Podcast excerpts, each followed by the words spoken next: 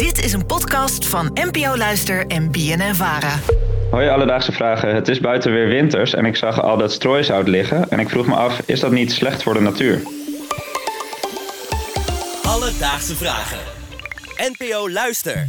Mark, dankjewel voor je vraag. Ja, het wordt kouder. Er is uh, ook weer gestrooid, ook al deze week. Ben jij dan iemand, Rosa, die ook de stoep voor de voordeur nog even gaat strooien zelf? Of... Nee.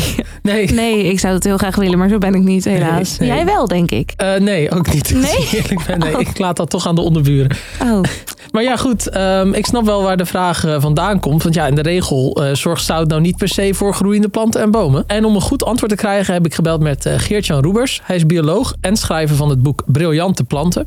Je hebt natuurlijk twee verschillende soorten natuur, hè, zo je wil. De flora, de bloemen, de planten, de bomen en de fauna. Zullen we beginnen met de dieren? leuk. Ja, gaan we daarna naar de planten. Maar eerst vroeg ik aan Geert-Jan, is al dat strooizout niet slecht voor de dieren? Strooizout is uh, natriumchloride, dus zeg maar het keukenzout. En dat heb je al gauw te veel voor een, een vogeltje die een uh, grote zoutkorrel neemt. Bijvoorbeeld een, een huismus. Maar als je echt van die korrels hebt, dan uh, willen ze wel eens denken van... hé, hey, daar ligt een, een steentje.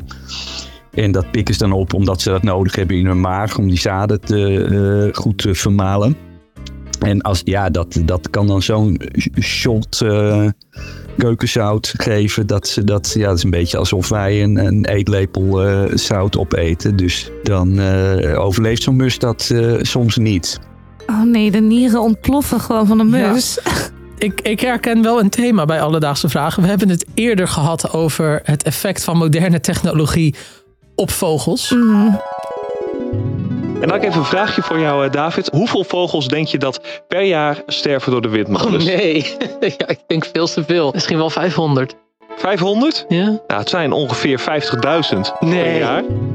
Ja, en ook strooizout. Ze denken dus, ja, het is een steentje, dat heb ik nodig. En ze eten het op. Wat triest voor ons eigen gewin. Ja. Ongelooflijk. Nou ja, goed. Uh, tot zover dan uh, een voorbeeld van de dierenwereld. Maar hoe zit het dan bij de planten? Hebben die dan nog last van strooizout op de weg?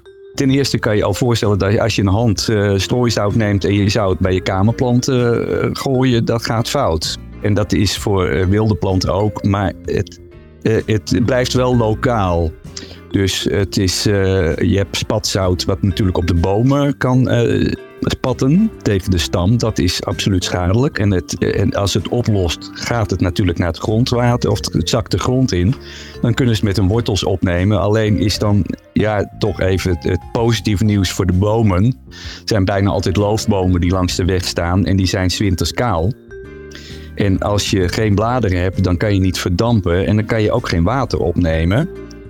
Uh, dus uh, het moment dat er gestrooid wordt, namelijk bij strenge vorst of als het gaat vriezen, dan drinken bomen ook niet. Oké, okay, nou dat is goed nieuws voor de bomen. Ja, maar goed, hebben alle bomen er last van? Nee, sommige planten die bieden dapper weerstand tegen het strooisout. Want Rosa, ken jij het hertshoornweegbree?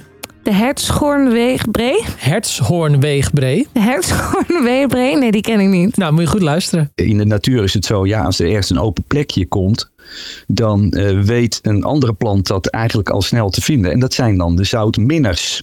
Namelijk onze kustplanten. Ja, ik woon zelf in Utrecht, maar ik ben opgegroeid in Zeeland. Dus ik kende de hertshoornweegbree gewoon van het duingebied. En tot mijn verrassing zag ik die hier op straat. Of tenminste, dat is helemaal niks bijzonders meer. Maar die is vanaf het gebruik van het strooizout, zijn die uh, zeeplanten, of nou geen echte zeeplanten, maar kustplanten.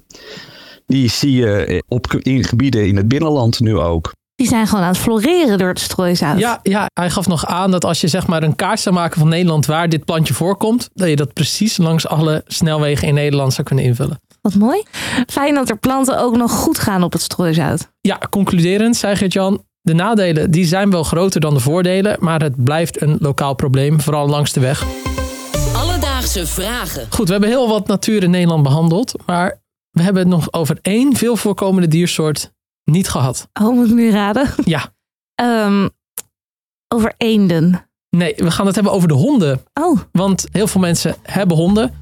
Die lopen ook door het strooizout. Is dat niet slecht voor hen? Nou, ik heb het even nagevraagd bij onze dierenarts Peter Klaver. En die heeft nog een tip voor alle hondenbezitters. Ja, als er gestrooid is, ligt er vaak heel veel zout op straat. En het blijft aan de hondenpootjes hangen. Een beetje afhankelijk of je een kortharige of langharige hond hebt. Maar eh, de hond komt thuis en gaat al die pootjes aflikken. Dan krijgt hij best wel veel zout binnen. Gaat hij weer extra drinken. Ook veel zout. Kunnen honden zoutvergiftiging van krijgen. En dat, eh, bij hoge doses kan dat zelfs uh, behoorlijk ziek van worden. En eh, in het ergste geval, maar dat gebeurt niet zo gauw hoor, kunnen ze er zelfs aan sterven. Dus het beste is om als je met je hond thuis komt, eventjes met een eh, vochtige doek, eventjes de pootjes goed schoonmaken. En eh, als je een hele harige hond hebt, kan je of zelf de haartjes een beetje afknippen. Of even naar de hondentrim gaan om de onderkant een beetje te laten bijwerken. Dan komen de, komt er minder zout met de hond binnen als er gestrooid is. Goede tip dus, altijd even schoonmaken na het uitlaten. Dus, Mark, is het strooien van zout niet slecht voor de natuur? Nou, dat is zeker zo. Op lokale schaal hebben planten er wel degelijk last van. Bomen die drinken in de wintermaanden, als ze geen blad hebben, niet zoveel, dus die hebben er wat minder nadeel van.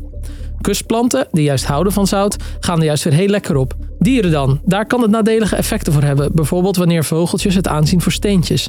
En heb je een hond? Zorg dan dat je de pootjes schoonmaakt als je hebt uitgelaten terwijl er gestrooid is. Heb je nou ook een vraag? Stuur dan een berichtje op Instagram of stuur een mailtje naar alledaagsevragen@bnnvara.nl En dan zoeken we het voor je uit. Alledaagse vragen. NPO Luister. BNN Vara. Dus wil je de hond niet dood? Was de poot. Prachtig. Dat mag. Nee, die hou ik erin.